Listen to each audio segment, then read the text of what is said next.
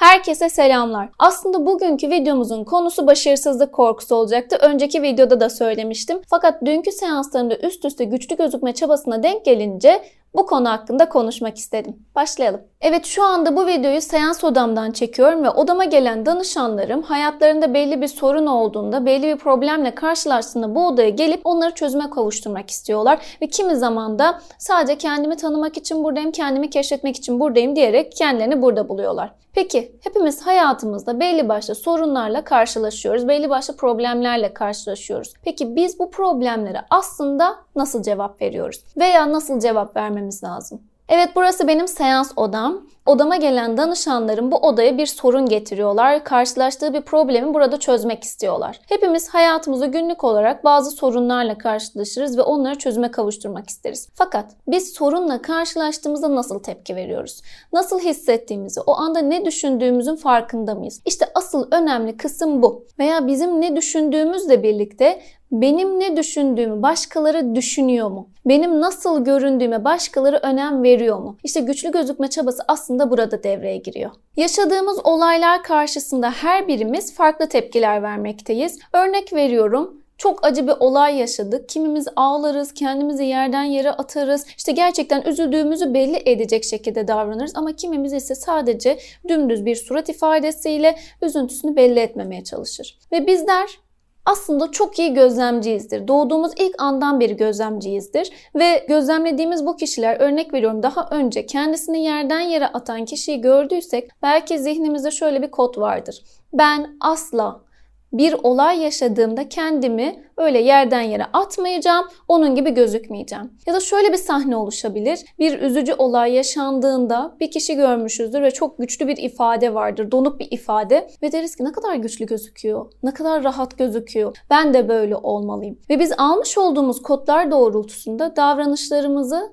dönüştürürüz. Ama aslında öyle mi hissediyoruz? Belki gerçekten içimizde çok ciddi bir üzüntü yığını var. Çok ciddi bağırmak istiyoruz, haykırmak istiyoruz, üzüldüğümüzü söylemek istiyoruz. Fakat almış olduğumuz kod bizi durduruyor. Az önce ifade ettiğim gibi zihnimizde bir kod olabilir. Ama bununla birlikte farklı bir kod da var. Nasıl? Kendimizle alakalı olan değil de ben dışarıdan nasıl gözüküyorum? İşte ağıt yakarsam bana derler ki güçsüz gözüküyor. İşte ne kadar dayanıksız, ne kadar aciz. Biz evet kimi zaman bu düşüncelere kapılıp ekstra bir güçlü gözükme çabası içerisine giriyoruz. Hatta kimi zaman bunu o kadar çok abartıyoruz ki çevreden yeni aldığımız lakaplar oluşuyor. İşte ne kadar taş kalplisin, buzdolabı gibi gözüküyorsun. Fakat bizim aslında çabamız şu. El alem, o maalesef sürekli kullandığımız el alem bizi dayanıksız görmesin, bizi aciz görmesin, beni güçsüz sanmasın, ona kendimi ben bir göstereyim, beni güçlü görsün. Fakat iç dünyamızda neler döndüğünden bir zaman sonra biz bile habersiz kalıyoruz. Eğer aranızda ben de güçlü gözükmeye çalışıyorum ama zaten güçlü olmamız gerekmiyor mu İrem Hanım gibi düşünenler varsa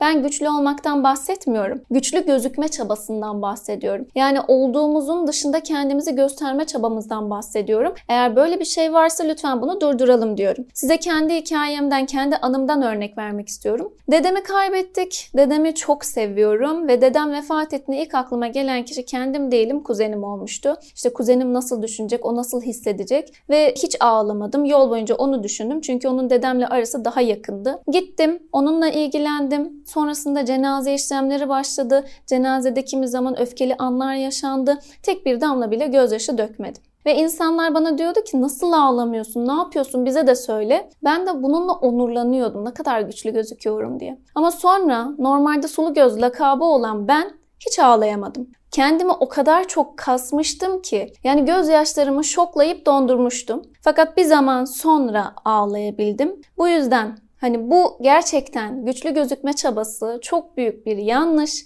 Kendi duygularımızdan kendimizi uzaklaştırıyoruz. Bu yüzden size eğer hani sizin de böyle bir anınız varsa demem o ki gözyaşlarınızı dondurmayın. Ne hissediyorsanız, o an üzüldüyseniz, o an öfkelendiyseniz, işte kırıldıysanız, kızdıysanız lütfen bunu ifade edin. Yoksa bir zaman sonra kendi duygularınızdan uzaklaşıyorsunuz. Fark ettiyseniz bu videoda size kendinizden uzaklaşmayın diye birkaç kez tekrar ettim. Çünkü bu gerçekten çok önemli. Nasıl hissettiğiniz, nasıl düşündüğünüz bunlara kıymet verin. Siz kıymet vermezseniz başka kimse kıymet vermez. Eğer biz sürekli güçlü gözükmeye çalışırsak Bir zaman sonra iletişim odaklı sıkıntılar yaşayabiliriz ve yalnız kalırız. Çünkü anlaşılmadığımızı hissederiz. Eğer sen de anlaşılmadığını hissediyorsan anlaşılmamak duygusuyla ilgili videoyu aşağıya link olarak bırakıyorum. Bu videonun tek bir önermesi olsun. Lütfen ne hissediyorsan onu yaşamak için kendine izin ver. Başkalarının düşüncelerini yaşamaktansa kendi duygularını ve düşüncelerini yaşayarak ilk önce kendine sen saygı göster